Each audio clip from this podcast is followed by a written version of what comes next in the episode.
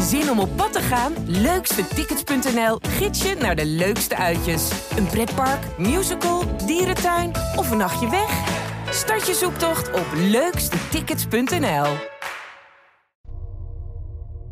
Nou, om echt te bewijzen dat jullie eh, van imago gaan veranderen, hebben we bij Club Hub nu een primeur. Ik vind het fucking vet Yes. dat jullie dit hier gaan doen. Ehm, jullie gaan je bivakmutsen afdoen. En jullie gaan niet meer anoniem door het leven. Nee, man. Wat ik me wel afvraag, want drillmuziek is ook wel een beetje een lifestyle, toch? Het is, Ja, het is precies, ontstaan uit de ghetto. Ja. Ehm, je maakt muziek over dingen, eh, je teksten over dingen die jullie zelf dan meemaken. Hoe kan je dit dan van de een op de andere dag achter je laten? Het is moeilijk. Het gaat niet 1, 2, 3, snap je? Het is gewoon ook gewoon je leven. Je, je kan het niet achter je laten, om eerlijk te zijn. Kijk, die lifestyle, hè. Mhm. Maar qua drillmuziek gaat het wel een beetje achter ons laten. Maar die lifestyle, ja, dat is lastig. Ja, ik denk uiteindelijk moet je toch ook verder, als artiest wil je ook groeien, zeg maar. En dan wil je toch ook andere dingen laten zien, de, de wat positieve kant vind ik zelf. Mhm. Dus niet per se die eh, duistere kant. En zijn jullie niet bang dat, dat jullie nooit deze imago switch Mainstream succes. Dat wilde de Amsterdamse drillgroep 7-3 de Pijp voortaan gaan najagen.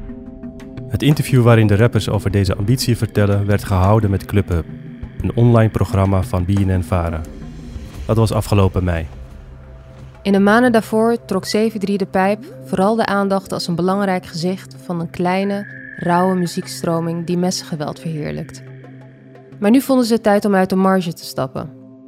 Ze willen een groter publiek aanboren en daarvoor is een ander imago nodig. In het interview geven de drillrappers aan dat dat nog best lastig zal worden. Drill is namelijk een lifestyle. En het geweld dat daarbij hoort, dat is hun echte leven. En dat laat je niet zo makkelijk achter je. Hoe moeilijk dat is, blijkt als leden van 7-3 de Pijp vrij snel na het interview de confrontatie beginnen te zoeken met Kulas en Blakken.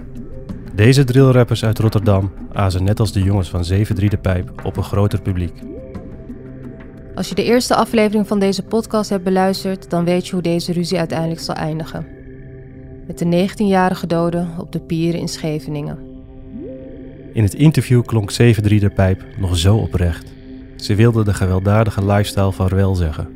Ze wilde zelfs andere muziek maken dan alleen drill. Maar waarom zijn ze dan toch weer teruggevallen in hun oude gedrag? En wat is dan wel nodig om ze uit die gewelddadige wereld te krijgen?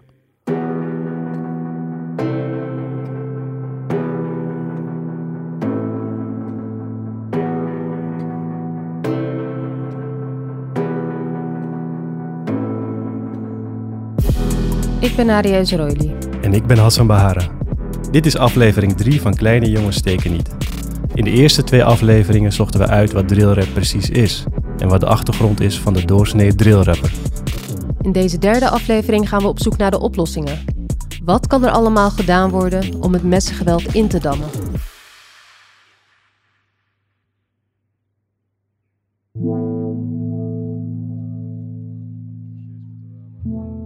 Zeven 3 bestaat uit zes jongens. Ja. Ehm, DK, VK, RB, Tai, Stexy en Choppa.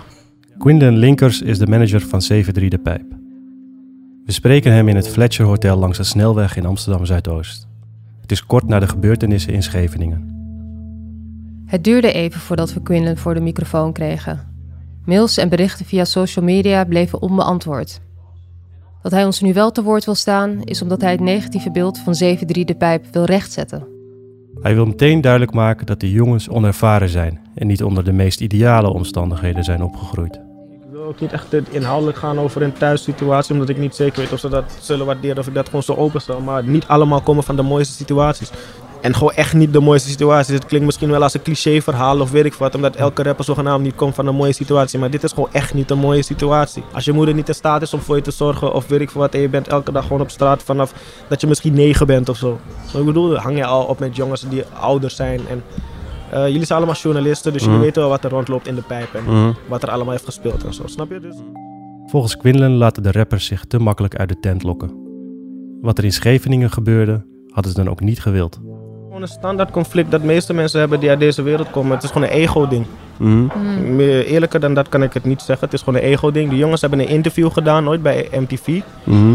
En ehm, daar waren ze gewoon een album aan het promoten. En zeiden gewoon wat je zegt als je jezelf promoot. Je gaat jezelf een beetje boosten en naar voren gooien van ik ben de beste. En dat is toen niet goed in smaak gevallen bij de jongens van die andere kant. En vanuit daar is het begonnen. Heel dom in principe. Ja. Maar dat is dus waar het is begonnen. En door dat is het steeds weer, wat ik zeg, eh, acht maanden lang als iemand constant probeert te overtreffen wat er gezegd is. Dan na een tijdje wordt het steeds erger en erger en erger en erger. Totdat je Ja. na een tijdje Ja. wel tot Eh. een bepaalde confrontatie zal moeten komen. Ze vinden het heel vervelend voor, voor de ouders en, en de familie. Dat dat zo is gebeurd en dat, dat diegene dit nu moet voelen en zo natuurlijk. Dat vinden ze echt heel spijtig, gewoon oprecht. Gewoon die berichten van die zus en dat soort dingen. Ehm, voor die hebben ze het meeste medeleven. Als we Quinlan mogen geloven, bestaat 7-3 de Pijp uit jongens die het ook maar allemaal overkomt. Voordat ze het wisten, groeide een ruzie uit tot een dodelijk conflict. En voor de nabestaanden vinden ze het heel erg. Maar als je naar de Instagram van die jongens kijkt, dan krijg je niet dat idee.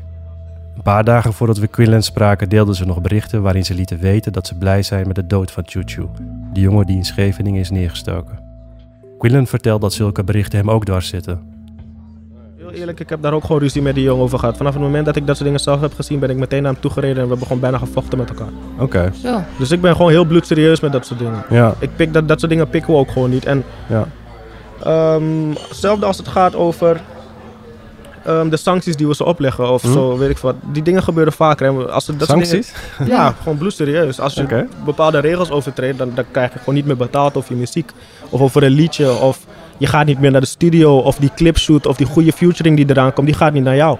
Ja. Dus dat soort dingen doen we wel gewoon. Dat hebben we gewoon constant. Dat zijn gewoon de standaard bij ons. Omdat we ook gewoon weten, het zijn wat moeilijkere jongens. Dus het is niet Ja. dat je gewoon kan zeggen van oké, je gaat een boete betalen en klaar. Of zo. Nee, Ja, we moeten gewoon echt ervoor zorgen dat hun carrière, dat ze ook gewoon inzien van we gaan niet meer werken aan je carrière als je het zelf wil verpesten. ja. Een kleine bekentenis. Voordat we Quinlan ontmoetten, hadden we verwacht iemand te spreken die de rappers van 7-3 de pijp hun gang laat gaan. Iemand die hun wangedrag misschien zelfs goed zou praten. Maar Quinlan komt in het echt anders over. We zien iemand die zijn stinkende best doet om een lastige groep jongens in het gareel te houden. Die deze jongens zelfs boetes en sancties oplegt als ze zich misdragen. nou, wanneer is het voor jullie zeg maar echt klaar, een samenwerking? In welk Als, geval? als ik 100% aan hun zie dat ze gewoon werkelijk scheid hebben aan hun carrière. Gewoon 100%. Want ik ben hier, en dat heb ik ook heel vaak gezegd. We zijn hier gewoon om, om iets te maken van het label, van muziek, van die jongens en van iedereen die zich eraan wil aansluiten. Dus ehm, zie ik dat je daar gewoon een pet naar wil gooien. Je denkt van oké, is goed, ik wil gewoon aandacht.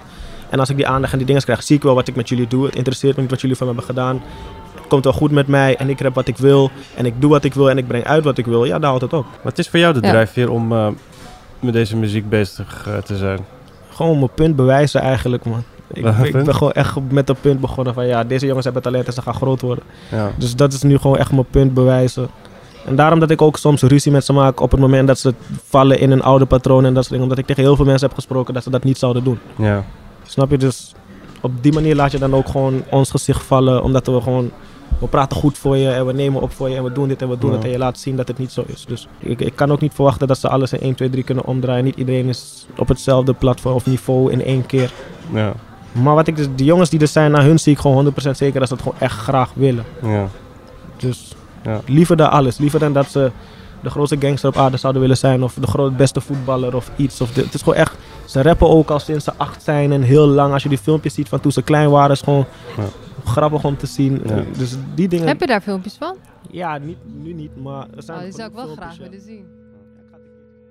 Het gesprek met Quillen stemt voorzichtig optimistisch. Het zijn moeilijke jongens die hij moet managen.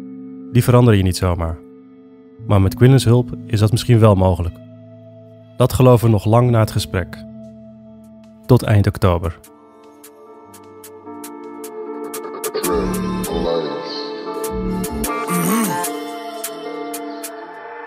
Begon met F, gooide 20 kop en ik was verkocht. Kijk, ze rennen met 30 man als ik terugkijk, ja, dan ben ik trots. Bro, je liedje, maar die alleen. Rende voor die web werd getrokken, die shit zit niet in je systeem. Speel het niet, want je bent een gay. Chat de hele dag op die Snapchat, zie die Libby niet als een game. Chat de hele dag op die Snapchat, zie die Libby niet als een game. En iedereen die mag Dit is de meest recente track van 7-3 De Pijp. Het nummer heet The Pier. De bijbehorende videoclip verscheen eind oktober op het YouTube-kanaal van Southside Music Group, het platenlabel van Quinlan. In de videoclip zien we lijkzakken aan een boom hangen. Daarna shots van een uitgestorven Scheveningse pier. Dit was de plek waar de 19-jarige jongen met de bijnaam Chuchu werd doodgestoken. Trots rappen ze hoe ze op die fatale dag huis hielden in Scheveningen en mensen in doodsangst lieten wegrennen. Kort nadat het nummer verschijnt, slaat de familie van Chuchu alarm. Via de tiplijn van de Volkskrant ontvangen we een mail waarin ze vertellen dat de videoclip van 7-3 de Pijp diepe wonden heeft geslagen.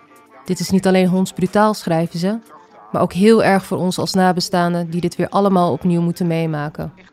Ze willen dat de clip verwijderd wordt. Maar pogingen van de familie om het management te bereiken zijn op niets uitgelopen.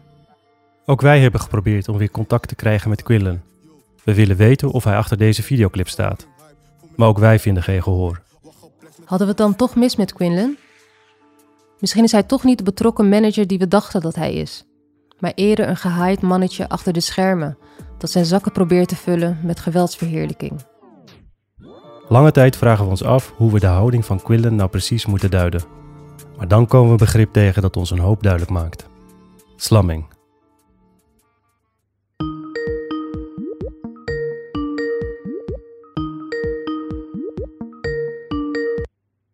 Hi, Forrest.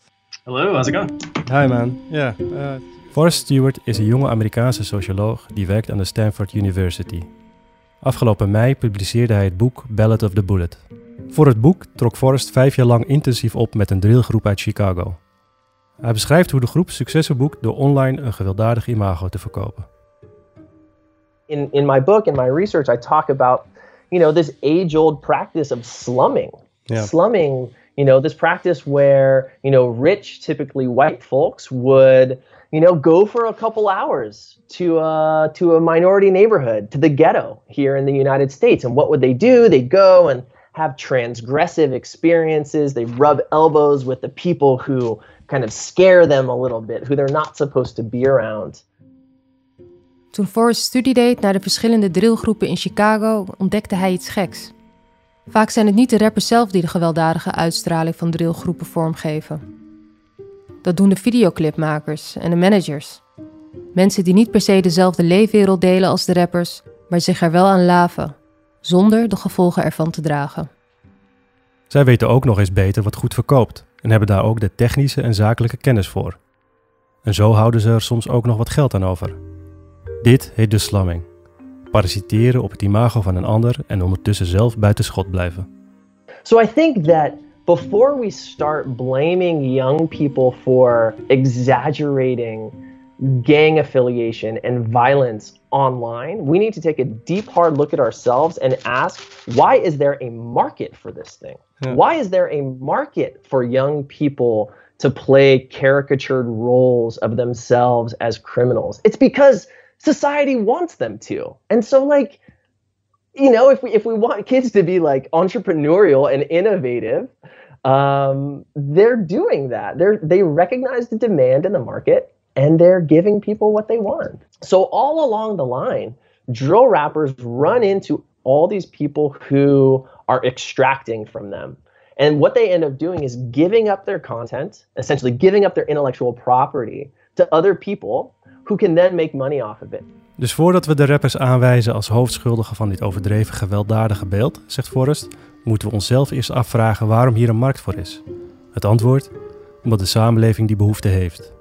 En de drillrappers, die voorzien alleen in die behoefte, zonder dat ze er zelf iets aan verdienen.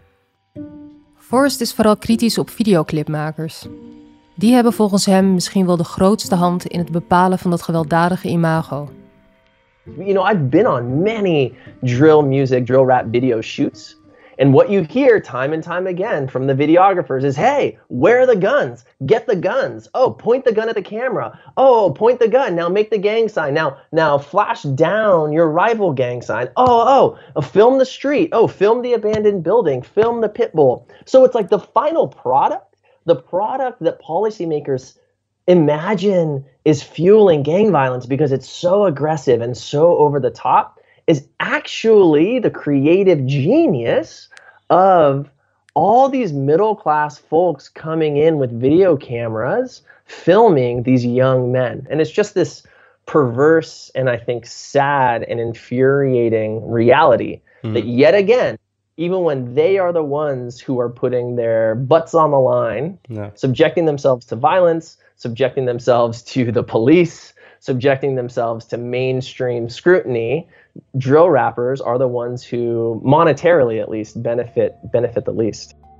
Forrest is dus bij talloze clipopnames geweest. En steeds zag hij weer hoe de makers de wapens erbij haalden en drillrappers aanspoorden om bendetekens te maken. If policymakers and the police are so concerned with hyper violent social media content, then they need to be talking to people like these young men who are making these videos.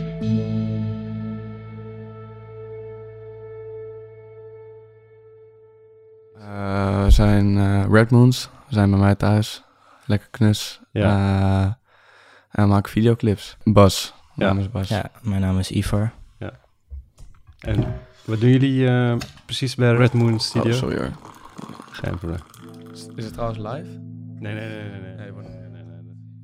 Bas is een groot hip-hop liefhebber van 19 jaar. Samen met zijn vriend Ivar begon hij het videoproductiebedrijfje Red Moon Studios. Naast commerciële bedrijfsfilmpjes maken ze ook videoclips voor drillrappers.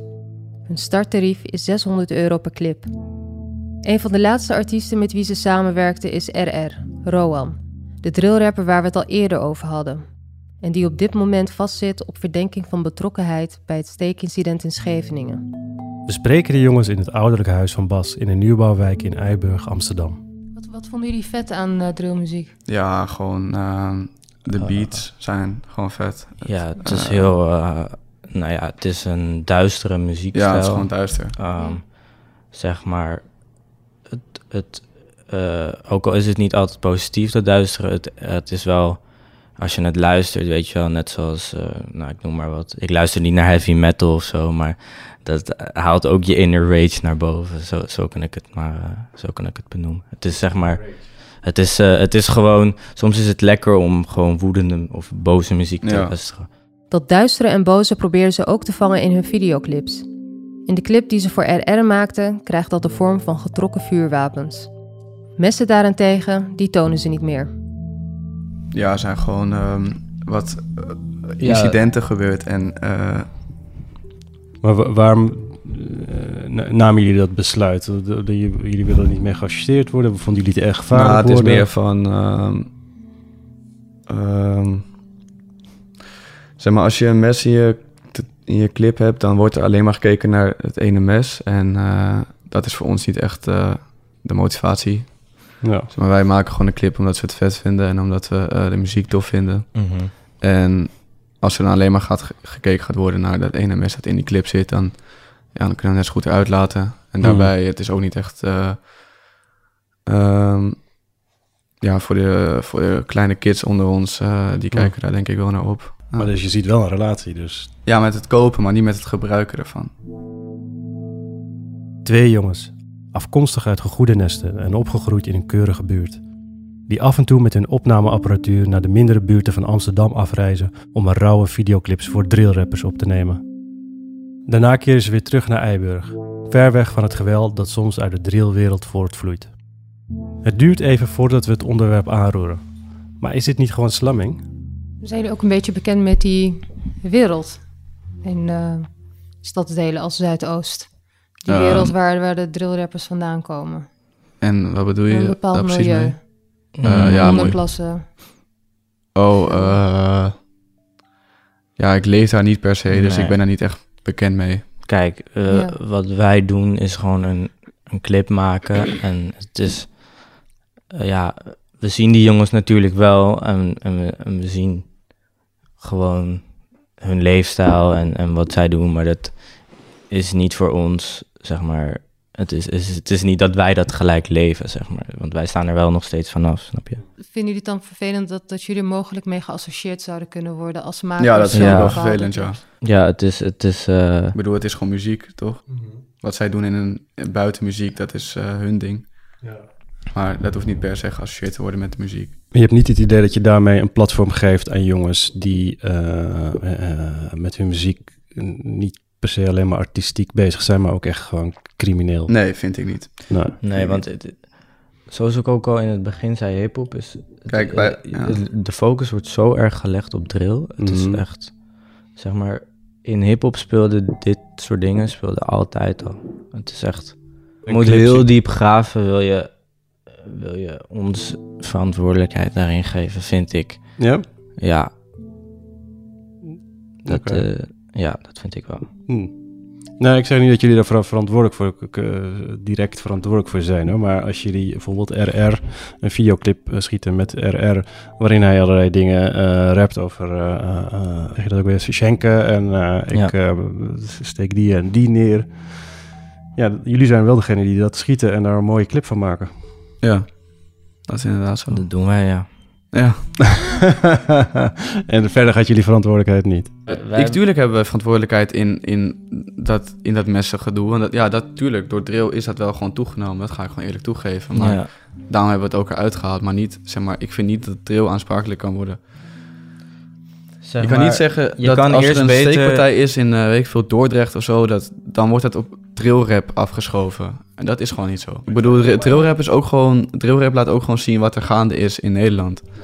Ik bedoel, ik zelf vind gewoon dat de mes, dat geeft wel die extra soort van dark vibe. Mhm. Het is wel gewoon vet om naar te kijken, als ik Ja. het zo kan zeggen. Dus.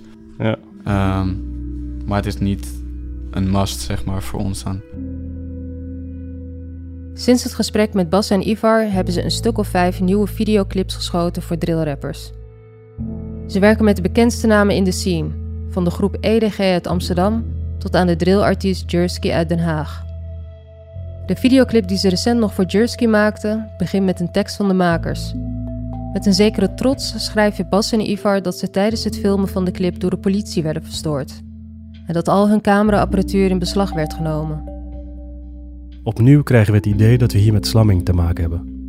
Twee jongens die wel het rumoer en de controverse rondom drillmuziek willen opzoeken, maar die ook weten hoe ze buiten schot moeten blijven. De ervaring met Quillen, Bas en Ivar maakt voor ons één ding duidelijk. Als we op zoek willen naar manieren om het geweld en de verheerlijking daarvan in de drillscene een halt toe te roepen, dan zijn we bij de managers en de videoclipmakers niet aan het juiste adres. Maar bij wie moeten we dan wel zijn? Oproep van eh, de burgemeester van Zaanstad. Ja, hij roept de winkelketens op om geen messen meer te verkopen aan jongeren onder de 16. De Blokker, Hema, Senos, Ikea, die moeten er allemaal mee stoppen.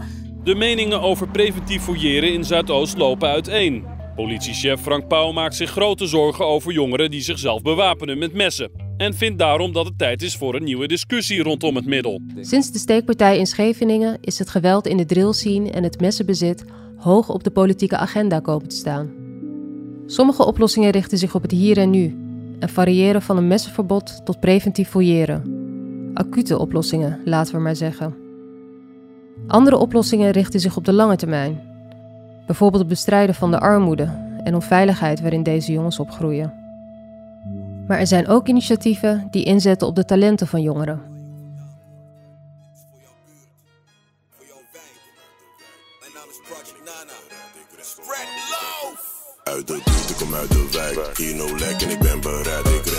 Kijk, wat wij doen, wij proberen te voorkomen dat, dat dit gebeurt. Vandaar dat we gewoon voorlichting houden op scholen, in elke wijk met jongeren eh, in gesprek gaan. Gerald Lashley is jongerenwerker in Hoorn. Na de steekpartij Scheveningen vond hij tijd worden voor actie. Eh, wij proberen eh, ja, gewoon op alle manieren proberen we, eh, proberen we jongeren die spiegel voor te houden. Van wat zijn de consequenties als je met een mes op straat loopt en gepakt wordt. Ehm, je, je komt veel moeilijker aan een baan. Weet je, je wordt naar een school gestuurd waar je zeg maar, geen startkwalificatie uiteindelijk kan halen. Je krijgt geen verklaring van goed gedrag. Een strafblad. Dat zijn allemaal dingen die werken gewoon niet mee als het gaat om je toekomst. In het afgelopen jaar zag hij hoe steeds meer jongeren de straat op gaan met een mes op zak. En volgens hem speelt drillmuziek hier een belangrijke rol in. Eind augustus startte hij met 80 andere jongerenwerkers de campagne No Shank. Jongeren moeten gaan inzien dat het bezit van een mes kan leiden tot een vicieuze cirkel van angst en geweld. In Hoorn werd deze boodschap verpakt in een drillnummer en een bijbehorende videoclip. Zette vier oefens voor 16 en ik deed allemaal. Maar het werd te dus daarom ik gewoon mijn trompa. Eh, wat je in deze clip ziet, dat zijn eh, ehm, twee jongens die door de wijk heen fietsen en eh, kattenkwaad uithalen. Maar uiteindelijk ehm, ja, wanneer is de eieren dan op mijn auto gegooid hebben, moeten ze dat ook weer schoonmaken aan het einde.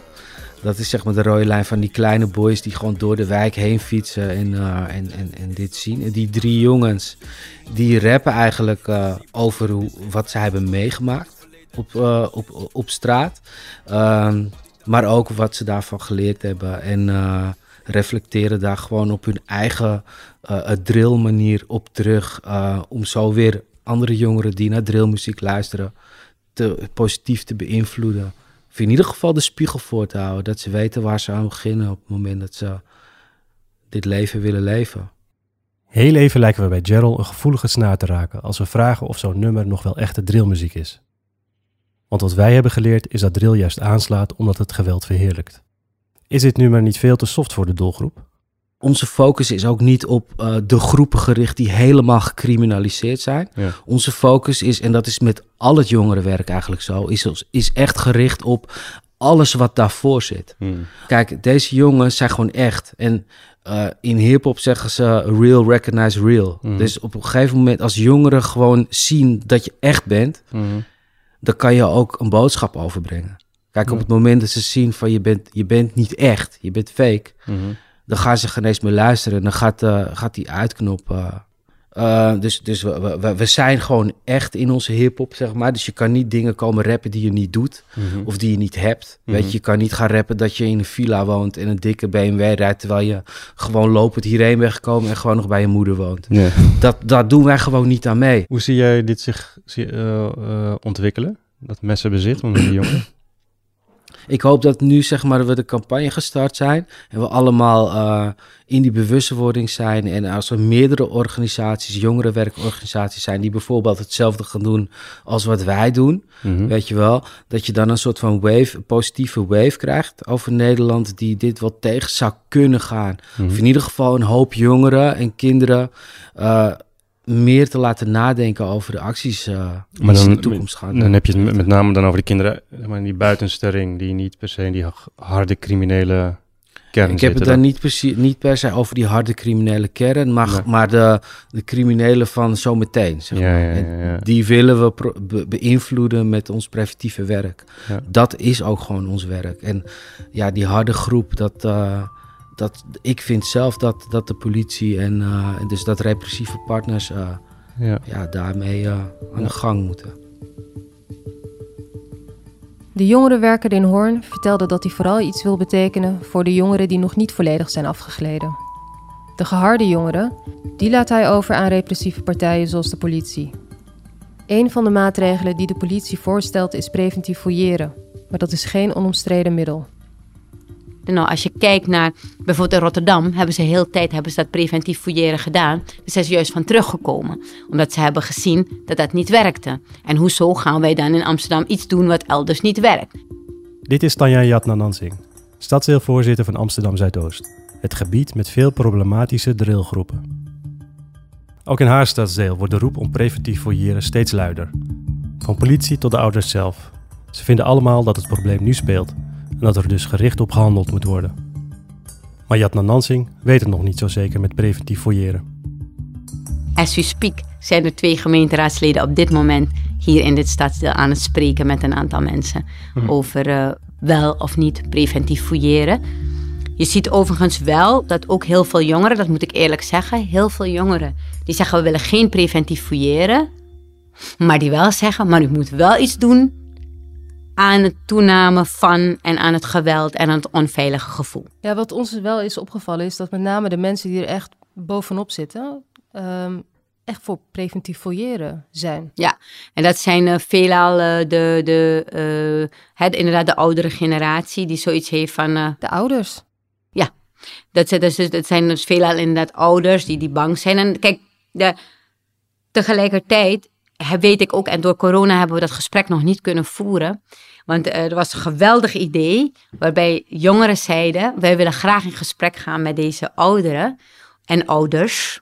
Om uit te gaan leggen waarom wij denken dat dat niet werkt en welk arsenaal daar tegenover staat. Ik ben wel benieuwd, wa- wat, is dan, eh, wat zijn de argumenten van die jongeren om het niet te doen? Nou ja, kijk, wat zij zeggen is dat met name in Amsterdam Zuidoost zijn zij heel erg bang voor het etnisch profileren. Dus die, dat, dat zien zij al heel snel. Dat ze, dat ze bang zijn dat eh, je om je, vanwege je kleur tegen de muur wordt gezet. Dat, dat, he- dat heeft bij hun zo'n, eh, ja, roept zo'n aversie op. Daar zijn ze echt bang voor. Dus als je met ze spreekt, dan zeggen ze: Nee, maar mevrouw Jadanansing, dan, dan, dan we zien het al voor ons. Dat we allemaal maar gewoon, omdat ik bruin ben, word ik aan, aan de kant gezet. En nou ja, kijk, dat, dat etnisch profileren is natuurlijk wel een feit. Als het aan Jadna Nansing ligt, wordt preventief fouilleren dus zo lang mogelijk buiten de deur gehouden. Zelf voelt ze meer voor de lange termijn oplossingen. Een van die oplossingen wordt op dit moment in de stijgers gezet. Het betreft een zogeheten masterplan voor Amsterdam Zuidoost. Het plan lag er al een tijdje, maar eind vorig jaar, toen het stadsdeel werd opgeschrikt door steekincidenten in de drillscene, werd er haast achter gezet. Dus we gaan twintig jaar lang duurzaam investeren op een aantal gebieden. Want je hebt gelijk. Het fundament is onderwijs, Mhm. is werk, is wonen, is veiligheid. En we gaan dus op al die noemers gaan wij echt investeren. Dat doen we niet alleen, dat doen we samen met heel veel partners die hier in Amsterdam Zuidoost al actief zijn. We doen dat samen met het Openbaar Ministerie, we doen het samen met de politie, we doen het samen met de Arena. We doen het samen, dus al die partijen die hier belangrijk zijn, maar vooral, en die is erg belangrijk, die staat gewoon op nummer één. We doen het samen met de bewoners. Over 20 jaar moet het gedaan zijn met alle achterstanden in Zuidoost. Geen armoede meer, degelijk onderwijs, betere huisvesting en veiligheid en een goede gezondheid voor iedereen. Aan plannen om de achterstanden in Zuidoost weg te werken heeft het nooit ontbroken.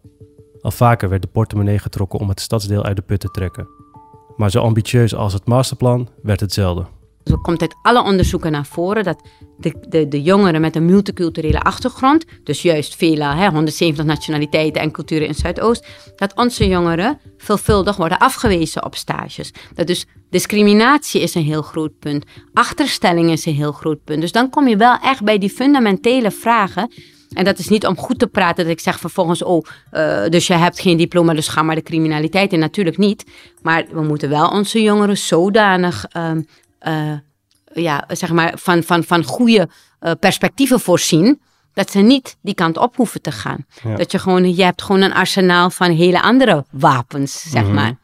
Schets eh, Zuidoost eens over 20 jaar als dit masterplan over dit stadsdeel eh, uitgerold is. Nou ja, dan over twintig jaar heb je die 20 jaar, die tienjarige jonge man of jonge vrouw is dan 30. Ja. En die zijn talig en die zijn wel bespraakt. Die kunnen kritisch denken. Die laten niet over zich heen lopen. Die weten dat ze ontzettend ertoe doen in deze samenleving. Want mijn kinderen in Zuidoost hebben, naar mijn smaak, te vaak een laag zelfbeeld en een laag zelfvertrouwen. En die, eh, over twintig jaar is dat passé. Dan winnen mijn kinderen uit Amsterdam Zuidoost elke debatwedstrijd. Nu zijn we heel erg goed in muziek. We zijn heel erg goed in alles wat te maken heeft met, met, met, met dans en met toneel. En dat is fantastisch. En die hebben we ook nog over twintig jaar. Maar aan de andere kant hebben we ook de grote schrijvers. Die komen ook uit Amsterdam Zuidoost. En de, de grote de- de- debaters komen ook uit Zuidoost. We hebben in, in, in de Tweede Kamer hebben we minstens zes Kamerleden van kleur uit Amsterdam Zuidoost. Bijvoorbeeld. Er is nog veel meer, hè? Maar dan kunnen we doorgaan tot tien uur vanavond. Naast de grote structurele veranderingen wil ze ook inzetten op kleine, wat ze zelf noemt, onorthodoxe oplossingen. Eén daarvan is de inzet van vaderfiguren. Veel jongeren in Zuidoost groeien op in een eenoudergezin. Dat geldt ook voor veel van de drillrappers die soms zo ernstig ontsporen. Het idee is dat een vaderfiguur zulke jongens kan begeleiden en ze voor het ergste weet te behoeden. Ik had dus in mijn hele hoofd had ik al een heel format bedacht van hoe het zou moeten gaan. En die jongens zeggen, nee, maar we willen eerst gewoon apart met u praten. Niet met iedereen en alles erbij. En het was een van de mooiste gesprekken, denk ik, in mijn hele carrière. Want die jongens die zaten bij mij aan tafel en ehm, waren echt jongens waarvan je dacht van, wow. Ik denk niet dat ik s'avonds laat eh, met goed gevoel langs ze heen zou lopen, want ze zagen er best wel dreigend uit. En nu komt het. Ik vraag hen, oké, wat hebben jullie, die vraag moet je altijd stellen. Wat hebben jullie nodig? En wat zeggen deze jongens? Voorzitter, wat wij nodig hebben, kunt u ons niet geven. Ik zeg, oké, wat hebben jullie nodig? En toen zeiden ze, wat wij nodig hebben is een vaderfiguur. Kijk, ik ben ook een Surinaams-Nederlandse vrouw. Ik ben opgevoed met de gedachte, je diploma is je eerste man. Een man is een prettige aanvulling maar geen invulling. Zo ben ik ook opgevoed. Nu blijkt dat deze jongens eigenlijk dat onderuit schoffelen. Want zij zeggen, nou, we hebben die man ook nodig. Natuurlijk hebben we jou nodig als sterke Surinaams-Nederlandse vrouw. Maar we hebben ook die man nodig. En dat is een enorme eye-opener geweest. Hè, van we gaan ook mannen echt in die campagnes. En vandaag eh, sprak ik ook met jongere werkers. En die zeiden ook allemaal van... Mevrouw, zorg dat er meer mannen ook naar voren treden. En ik ben afgelopen week ben ik hier... ehm, we hadden helaas twee schietpartijen bij Groeneveen. En ik ben eh, twee, één dag erna, niet dezelfde dag, maar één dag erna, ben ik gaan praten met al de buurtbewoners. En er was een meneer daar, meneer Lloyd. En meneer Lloyd zei van ja, ze hadden eerst over die jongeren en dat ze zo hangen en gedoe en die jongeren en messen en noem maar op. En Lloyd zegt, maar mevrouw, ik wil heel graag een vaderfiguur zijn. En wat er nu gaat gebeuren, is dat de buurtcoördinator daar, mevrouw Hen- Henriette, die heeft gezegd, ik ga tien mannen uit Groeneveen zoeken. Tien Lloyds. En die gaan we koppelen aan tien jongens. En dan kan je denken, ja, dat is wel piepklein, hè? Tien en tien. Mm. Maar het moet wel daarmee beginnen. Dat is, die, dat, is dat beïnvloeden. Ja.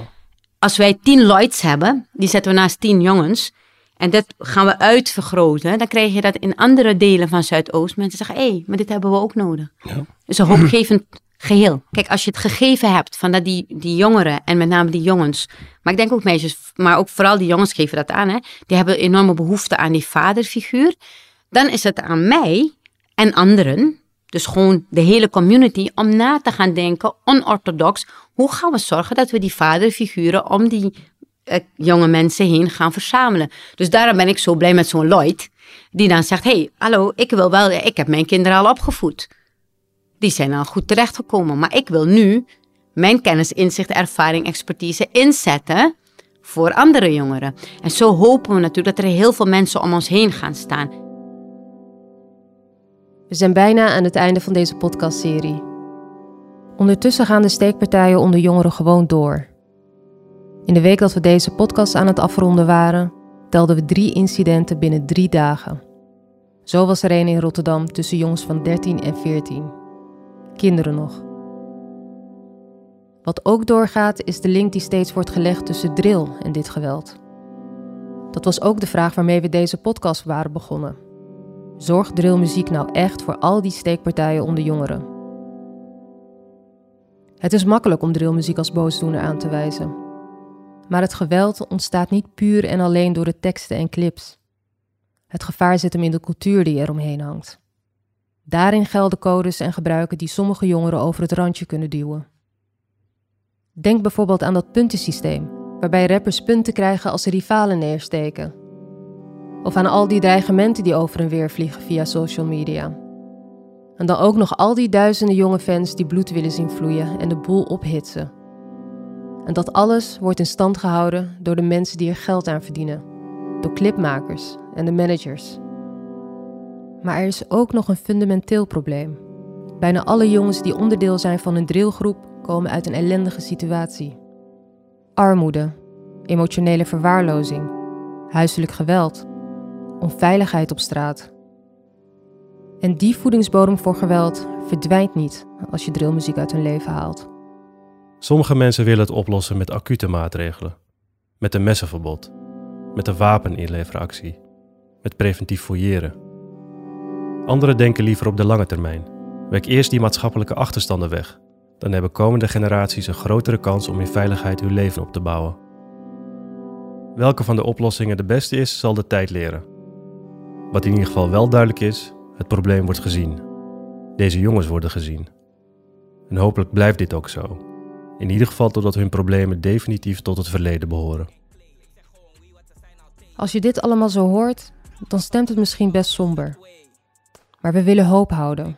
We moeten hoop houden. Daarom sluiten we af met een positieve noot. Eind oktober verscheen op YouTube een videoclip van een jonge rapper uit Amsterdam Zuidoost. Turgy is zijn naam. En de titel van zijn nummer is Drill, dat is gangster. De videoclip zet je even op het verkeerde been. Het opent met gemaskerde jongens. Eentje zwaait met een kapmes. Een ander houdt een vuurwapen vast. Op een zware beat wordt er over de gebruikelijke dingen in de drillwereld gerapt. Over shanks. Over ops. Maar halverwege verandert de clip van karakter. Turgy heeft zijn masker afgezet. Hij hangt over een drillrapper heen en probeert hem in te peperen waar gewelddadige drillveters toe kunnen leiden. Of je eindigt eenzaam in de gevangenis, rapt Turgy, of nog erger, je eindigt dood. Inmiddels is het nummer bijna 1 miljoen keer bekeken. De hoop is dat het ook wordt gezien door de jongeren die Turgy wil bereiken. De jongeren die door drillmuziek op het randje staan van dodelijk geweld. En als een van hun denkt, dit geweld en verdriet is mij allemaal niet waard, dan heeft Turgy misschien wel een jong mensenleven gered. Vrienden en familie willen payback. Dit gaat nergens over, je kende ze nog van way back. Het gaat niet om pap, niet om war, alleen om disrespect. Maar eigenlijk gaat het om kids van maken op internet. Nu lijkt het stoer en nu schreeuwen ze free jou. Maar besef, volgend jaar zijn ze je al vergeten. Straffen gaan omhoog, justitie houdt je naar beneden. 16 jaar de ijs, je stelt jezelf de vraag, is dit mijn leven? Je matties van je gang die je representen hebben kinderen en wifi, dus geen geld om te storten meer.